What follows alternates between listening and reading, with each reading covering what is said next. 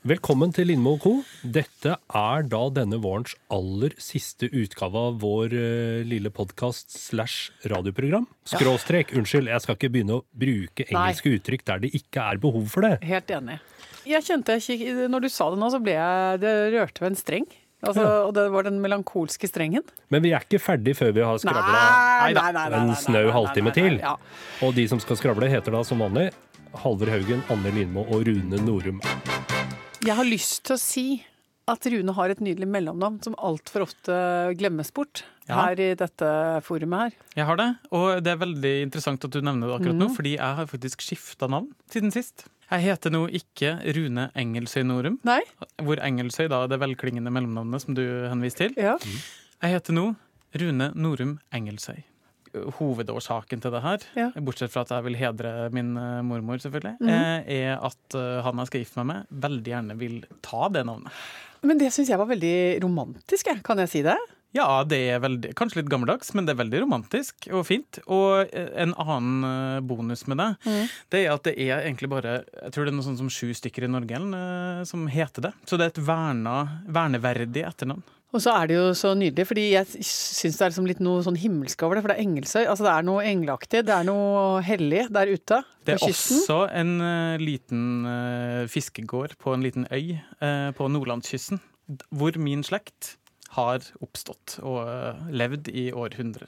Utafor Vega borti der, ikke sant? Utenfor Vega. Det er jo Nydelig. der vi skal ha den første festivalen eh, for denne podkasten, føler jeg. Det syns jeg òg. Jeg hadde sett for meg at den skulle finne plass på Myrvolls plass i Rakstad sentrum, men eh, Eller på Stallen, da. OK, hva er Stallen? Er det, et- er det et utested? Stallen er pub. Å ja, ja. Ja. Jeg kan kaste inn et forslag eh, fra min kant, da. Eh, og det kan være Granvang. Eh, det kjente eh, feststedet på, oppe på Bøvbru, altså på grensa mellom Bøvbru og Ile. Der lå Granvang. Det er vel faktisk eh, en arkitektonisk bunnotering. Altså det, det mennesket som skulle lage noe styggere bygg, må anstrenge seg. Hvilken Og, stilart snakker vi her? mm, Bevisstløs brutalisme, vil jeg kalle det. Altså, det er rett og slett fullstendig uten mål og mening er det tegnet et Viggo og satt opp der. Og det er så slitt eh, og, og preget av tidens tann. Og så veldig veldig preget av at det aldri har vært utsatt for noe som helst omsorg. Men der koser folk seg. Der koset vi oss på fest, ja. Ja. Og der var det også sånn at etter hvert så gadd de ikke å sette inn nye glassruter, for de ble knust hele tida. Så da bare slengte de inn noe pleksi og eventuelt noen sponplater her og der, fordi det var rett og slett for mye bryderi.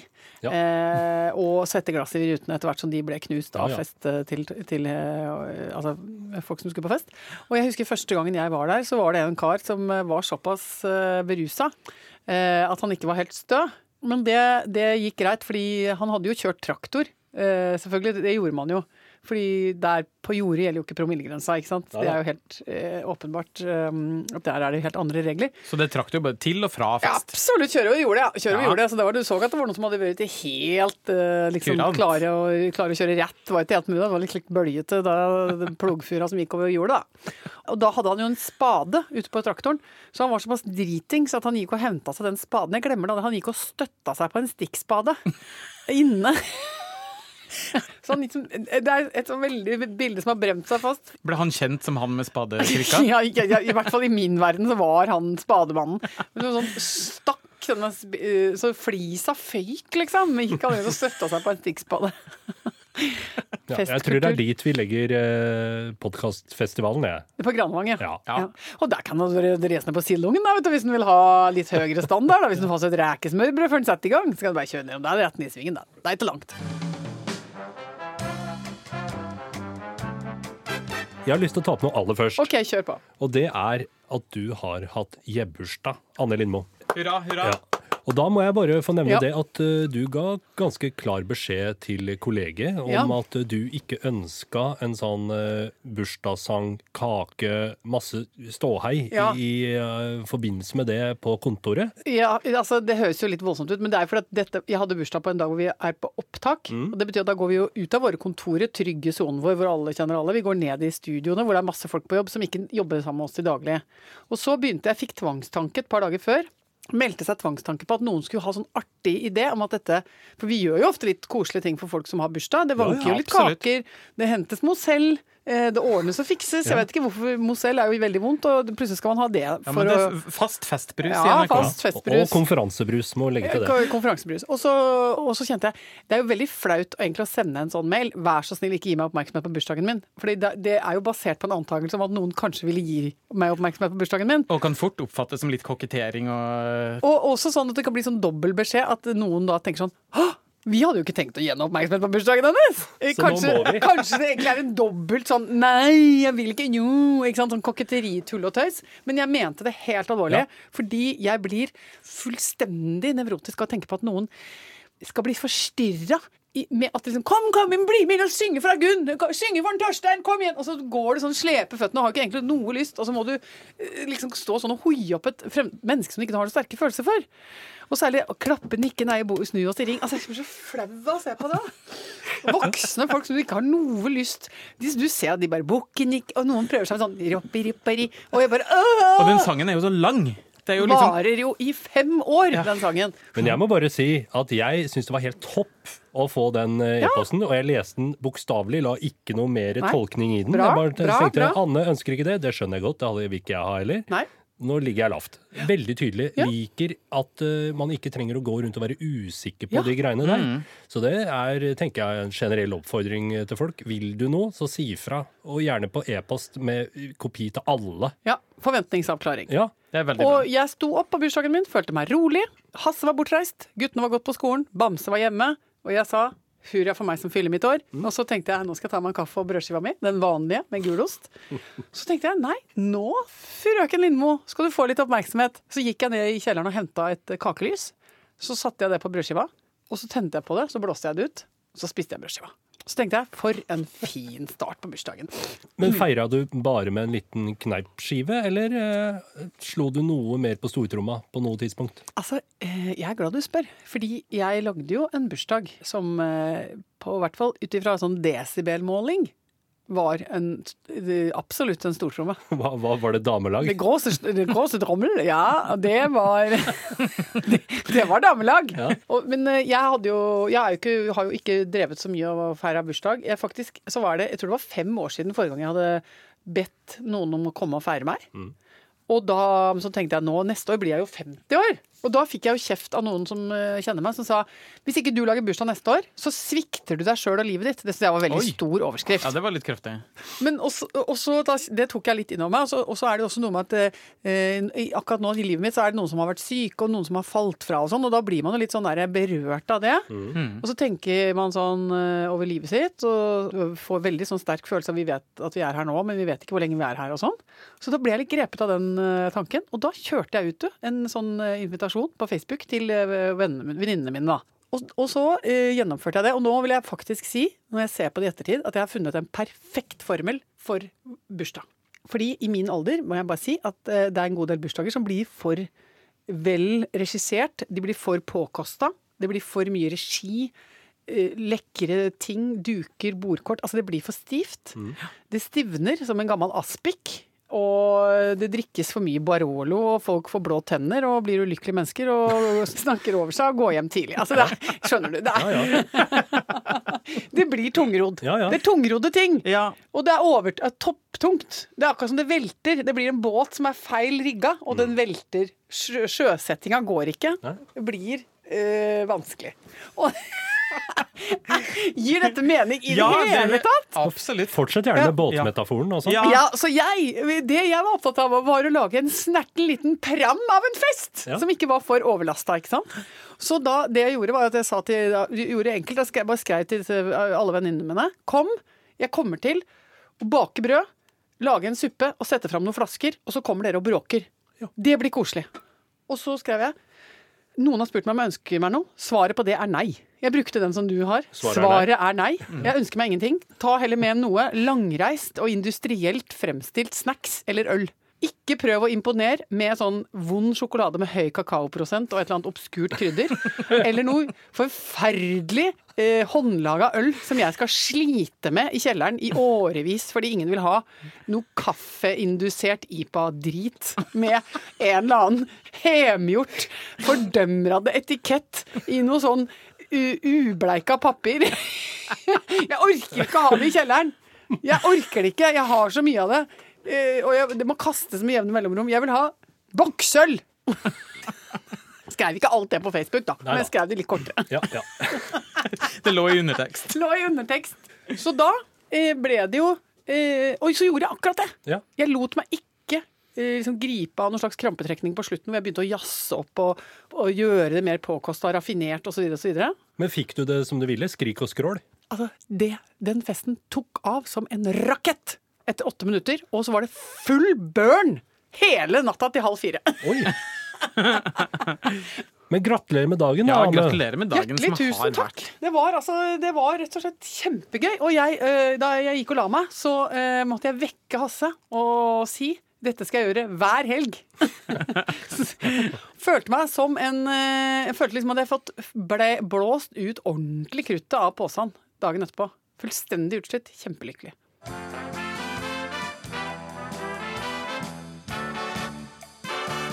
Du har hatt Gjebursdagene. Ja. Er det andre ting i livet som har gjort inntrykk på deg i det siste, som du har lyst til å dele med lille, det lille panelet vårt? Ja, altså, Det har rett og slett vært en veldig voldsom uke. Fordi at øh, Og da, siden jeg er prestedatter, så kan jeg jo da bruke sitatet 'Gleden og sorgen, de vandret i Hopus'. Eh, Det er et salmesitat. Mm. Er det ikke det? Det hørtes, Det sånn hørtes veldig Ja, sånn ut, ja, ja. og vi For, kjøpte. for noen ganger så bare tror jeg det er det, og så er det ikke det. At det er bare noe jeg har lest på en sånn hustavle et eller annet sted. Men det er jo sant. Denne uka her har vært sånn hvor livet bare blir sånn most sammen. Av det, eh, det som er kjempe, kjempegøy, og sånn utblåsning med fest. Og så, faktisk samme dag som jeg hadde bursdagsfest, så var jeg i begravelse til min gode, gamle, kjære onkel Agnar. Som jo har, også har vært med i vår pod. Ja, ja, jeg husker onkel Agnar. Ja, fordi at, eh, og det er for at jeg, jeg har jo ringt han med jevne mellomrom. Han er jo, har jo vært vennen min i veldig mange år, og han har vært altså en av mine virkelig kompetente sparringspartnere når det gjelder innhold og profil på dette programmet som vi driver og lager eh, på TV, og etter hvert da også eh, på podden. En lynende skarp fyr som eh, har hatt et innholdsrikt og, og, og sterkt liv, og så nå ble han da 90 år og ganske sjuk, og og så døde han. Og det eh, er jo trist, men det er jo ikke tragisk. Ikke sant? Det er forskjell på det. Ja. Man kjenner jo på sånne ting inni seg at um, man savner noen, og, og at det er trist at ikke de er der mer og sånn. Men det er, ikke sånn, det er ikke sånn at jeg kjenner at det er sånn Hvordan i all verden kunne dette skje? Men allikevel altså, blir man jo veldig trist akkurat når man får beskjed om at noen er død. Ja, ja. Og det skjedde da mens jeg satt på flytoget. Ja, du Så- vil jo ikke være på sånne offentlige steder når du får sånne beskjeder. Nei, nei og det er jo sånn som plutselig da skjer, for da blir det sånn logistikk i familien. Da vet alle at jeg er på vei eh, på flytoget, skal til Gardermoen, skal ut og reise. Og så er det sånn, ja, men hun må få vite, ja, men hvem skal si ifra? Ja, men, ikke sant? Og så blir det sånn, ja, men vi kan ikke vente mange timer, for det føles jo som en sånn, øh, hva, har jeg ikke fått vite det før nå? Og så videre. Så da er det, tar jeg den telefonen. Og da er det jo sånn at øh, jeg er jo skrudd sammen sånn at det er veldig kort vei fra hjertet til tårekanalen, så da begynner jeg umiddelbart å gråte på flytoget. Ja. Eh, og eh, så ser jeg også på klokka at eh, det er jo veldig kort tid igjen til det flyet går. Sånn at eh, jeg har ikke egentlig tid til å søke tilflukt. Nei. For det er jo det man får lyst til. Man- Akutt tilflukt. Ja, og det kan jo også kanskje være en bra måte å eh, på en måte forholde seg til det i forhold til andre i verden òg. At man ikke nødvendigvis skal gå som en slags sånn tilstedeværelse av liksom gråt som passerer gjennom folkemengden på Gardermoen. Men det måtte jeg da gjøre. Ja. Men det har jeg tenkt på ofte, fordi vi har jo sånn bønnerom og alt mulig rart. Sånn lyddusj og alt mulig rart på Ja, Gardermoen. ja. Og andre offentlige steder. Hvorfor har vi ikke bare Det trenger ikke å være liksom større enn et dusjkabinett. Hvor du kan gå inn og gråte litt. Du kan bare gå inn og enten enn hvis du blir forferdelig sint. Ja. Altså du har uh, snakka med din ektefelle som har irritert deg grenseløst og på nippet til å vært utro, og det har vært helt forferdelig. Du trenger bare å gå og rope hardt et sted. Et, En lydisolert bås, for du bare kan Altså en følelsesbod. Men i gamle dager het jo det telefonkiosk. Ja, vi hadde jo Eh, telefonkiosken. fordi sånn som det er nå, så, eh, så går vi jo og har disse samtalene ut i verden. I gamle dager så ville man jo blitt stående inne i en telefonkiosk. Så da blir jeg jo gående der, da. Hele veien bort til den der gaten. Og egentlig bare ta innover meg det at eh, nå er ikke han mer. Og så tenkte jeg, skal jeg bli flau over det? Men så tenkte jeg, jeg faktisk gidder ikke det. For nå, og jeg prøver ikke, jeg trenger ikke heller sånn der, ja, men da orker jeg ikke snakke om dette, men å legge på og bare prøve å tørke opp og la det der. Så tenker jeg, nå skal jeg ære denne mannen med at jeg lar de her følelsene komme. Og så tenkte jeg faktisk at det er, flyplass er jo ikke det verste stedet å ha litt store følelser. Fordi der er det er jo en eh, Det er faktisk en arena hvor det er litt sånn Naturlig fauna og flora av Naturlig, følelser. særlig i ankomsthallen er det jo mye sånn sterkt og eh, sånn og sånn. Og også delvis i av, av, eh, avgangen så er det jo sånn eh, Jeg elsker deg, men nå må du dra til Australia-stemning. Og mye sånn, ikke sant. Og da så tenkte jeg ja ja, det får gå det, da. Ja. da her er jeg på en måte i et rom hvor det er litt emosjonelt fra før. Ja. Så da tusla jeg meg bortover der, og så, og så, så, jeg på hun der skjønne mennesket i den innsjekken. For hun, hun, du vet, disse som jobber i serviceyrker, de har jo ofte litt sånn radaren på. Så hun så på meg og bare Jeg tror hun tenkte sånn Trenger denne kvinnen en klem? Um, det var sånn ømt, litt koselig blikk. Ja. Og så sa jeg sånn Du skjønner, jeg er bare litt lei meg, for onkelen min er død. Det var trist å høre, sa hun. Ja. Ja. Så sa jeg det var det. Så rydda jeg opp i meg selv og i fjeset mitt, så måtte jeg gå på flyet. Men så du Ja. hadde eh, både begravelse og bursdag på samme dag? Ja. Så du Altså- sto altså i spagaten mellom å organisere liksom, først begravelse, begravelse, begravelse, og så Ja. fest, fest, fest? Ja. Det må jo bli enormt mye logistikk og pynt og fjas og Ja, altså det var jo Men jeg tenkte sånn eh, For jeg tenkte sånn Å, nå skal han begraves den dagen. Kanskje jeg må utsette den damefesten, da. ja, det ville jo Ville vært naturlig å tenke. Men så tenkte jeg nei. For da blir det ikke noe av. Fordi at da blir det Da må jeg skal flytte den, da kommer eh, mange til å ikke kunne komme, og så blir det påske, og så glemmer det, så får jeg ikke til den bursdagen. Jeg hadde så lyst til å gjøre det. Og så tenkte jeg også Agnar er en meget, eh, altså var en meget praktisk anlagt mann. Eh, som eh, også var veldig glad i at livet skulle feires med hornmusikk og høye kneløft. Så tenkte jeg det skal jeg klare. Jeg skal først gå i kirka og gå på minnesamvær og si ha det til onkel Agnar. Og så skal jeg si hei til livet, holdt jeg på å si. Skal ha, så skal jeg ha damefest. Og så er det jo også sånn i akkurat i den der, de der veldig rare dagene etter at noen er død, så er det jo en blanding av at man driver og føler på følelser. Man snakker sammen, og man driver og har ø, dialog i slekta, og ø, veldig mye sånn som handler om at man er lei seg. Men så er det også enormt mye som er praktisk. Og veldig mye samtale på sånn logistikk og snitter og her og dit og levere og sånn, og hva skal være, og hvem skal være med på krans, og hvordan skal vi gjøre det, og fordeling og sånn og sånn. Og da tok jeg selvfølgelig den um, litt voldsomme beslutningen at um, jeg ville at det skulle være en krans som skulle bety noe. Og Ja. da gikk jeg på nett og så på sånne kranser som begravelsesbyråene og blomsterbutikkene driver og presenterer, og da øh, kjente jeg på at nei, det syns jeg var helt meningsløst. Fordi at øh, jeg føler ikke at min onkel Agnar er en rose slash orkidé slash gerbramann. Så jeg så, så på de der blomsteroppsatsene og tenkte jeg dette har ingenting med saken å gjøre. Og dessuten, øh, siden jeg jo er et øh, kostnadsbevisst menneske, så tenkte jeg skal de ha 3500 kroner? Å, det er dyrt, ja. Ja, det er dyrt. ja, men altså, har dere sett på det, eller? Nei, Nei. jeg har- sluppet. Altså, sluppet. jo, jo, men ja, ikke sant? Og sånne ting driver jo ikke jeg med til vanlig. Jeg har jo ikke noe, har jo ikke noe føling med prisnivået på bårekrans. 3500 for noe granbær? Ja, men, ja, men eh, jeg syns at eh, en, en, en stor, flott, fabelaktig mann fortjener eh, i, i noe mer enn en sånn liten kvast. Ikke sant? Ja. Så der tenkte jeg skal omsette følelsene mine i et objekt som liksom tilsvarer litt eh, hva slags relasjon vi hadde, hva slags fyr han var. Så du gikk kreativt til verks? Jeg bestemte meg for at dette skal jeg lage sjøl. Ja. Jeg skal lage krans. Eh, Sjølbundne krans. Ja, ja, ja. Tenkte han, altså En av mine forfedre var jo gartner og blomsterbinder. Her, dette, har vi, dette ligger i blodet, dette kan vi. ja, for du har ikke noen erfaring?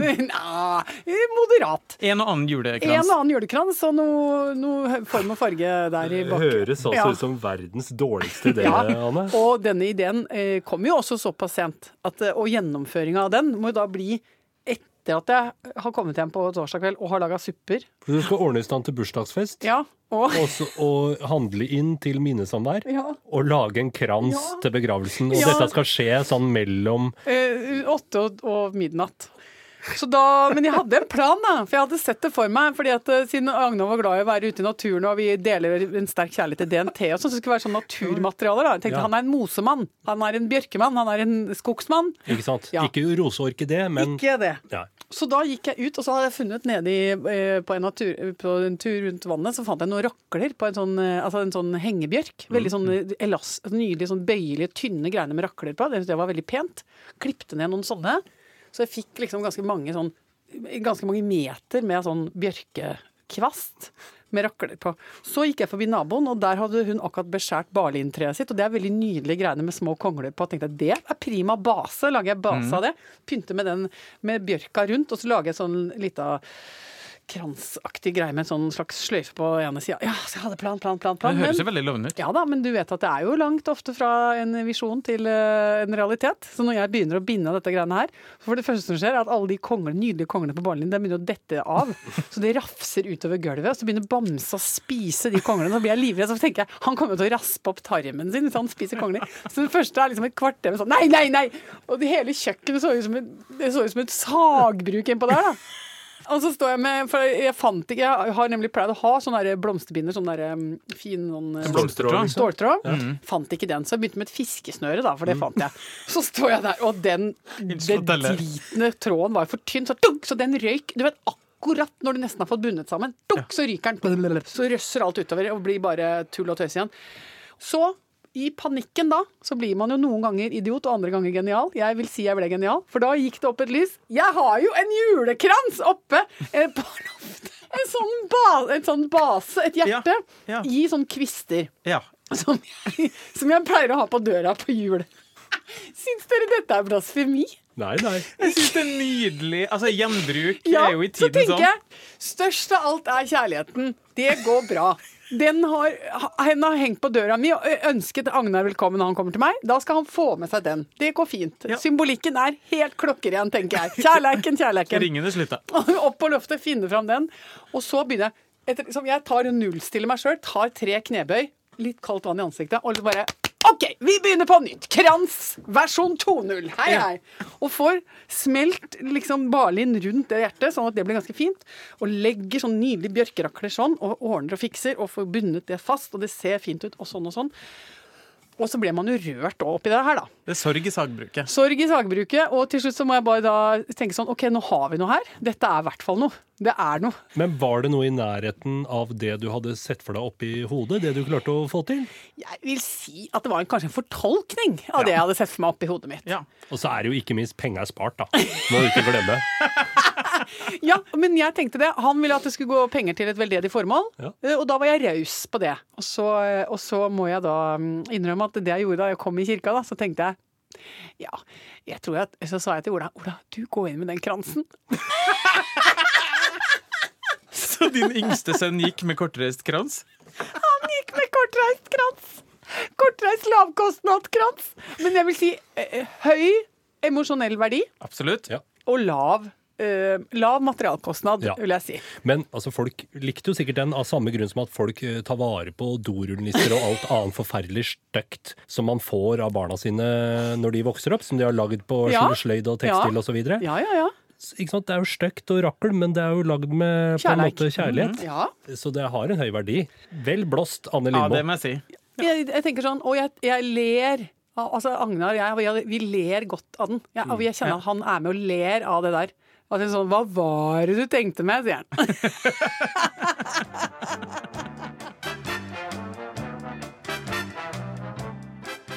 Vi skal åpne postkassa før vi skal runde av der og ønske folk god påske. Ja, jeg har eh, et spørsmål som ikke er mm, fra postkassa, men som handler om noe vi har fått i postkassa tidligere. Ja. Og det er at vi fikk jo en beskjed fra en lytter eh, som var eh, glad i kaker, som oss, Rune, som sa at ungarske kaker er det beste. Har du fått gjort noe forskning på ungarsk kake? Artig at du spør. Åh? Ja, for det har jeg faktisk gjort. Og det er jo veldig mange forskjellige typer kaker som er i Ungarn. De er veldig glad i det. Men de har i hvert fall to litt sånn hovedstoltheter. Den ene tror jeg heter Esterhasi, eller noe i den dur. Ja. Men eh, det de er aller mest stolte over, det er Dobors-torte. Oi, oi, oi! Som rett og slett er eh, Altså, det her var på 1800-tallet, og da lager man jo veldig mye kaker som ofte var sukkerbrød. Det er jo kjempegodt, men eh, det er jo ikke så lett å oppbevare det. Fordi Nei. det detter veldig fort sammen og eh, blir ekkelt og heslig. Så da var det en som var litt smart, og tenkte at OK, hvordan kan jeg konservere det her på best mulig måte? Jeg lager smørkrem som har kakaofett i seg, som da er veldig fuktgivende. Ja. Og så lager jeg mange mange, mange, mange små lag av sukkerbrødet. Har det her imellom. Og så når det er gjort, så tar jeg rett og tømmer litt eh, smelta sukker, litt karamell på toppen, så det blir et hardt lag. Og så eh, klær jeg det hele i eh, knuste nøtter på sida. Så det blir en slags sånn kaketine rundt selve kaka. Altså, så det er på en måte et matprodukt som har sin egen oppbevaringsboks, men som er mat? Nettopp. Altså, de ungarske folket Jeg bare slår fast at Det eh, er kakekudos fra meg, altså. Oh yes. Hva var det du sa det het? Dåborstorte. Doborstorte. Ja. da håper jeg folk unner seg det eh, når de nå skal ut i eh, påskeferie. Ja. Vi forsvinner nå i noen måneder. Så da sier vi god påske og god sommer, da. My God! Vil jeg si da. For jeg vil bare rope opp den situasjonen bitte lite grann. For nå syns jeg vi lå så lavt. Ja. God påske og god sommer, da, folkens. Ha det. God påske!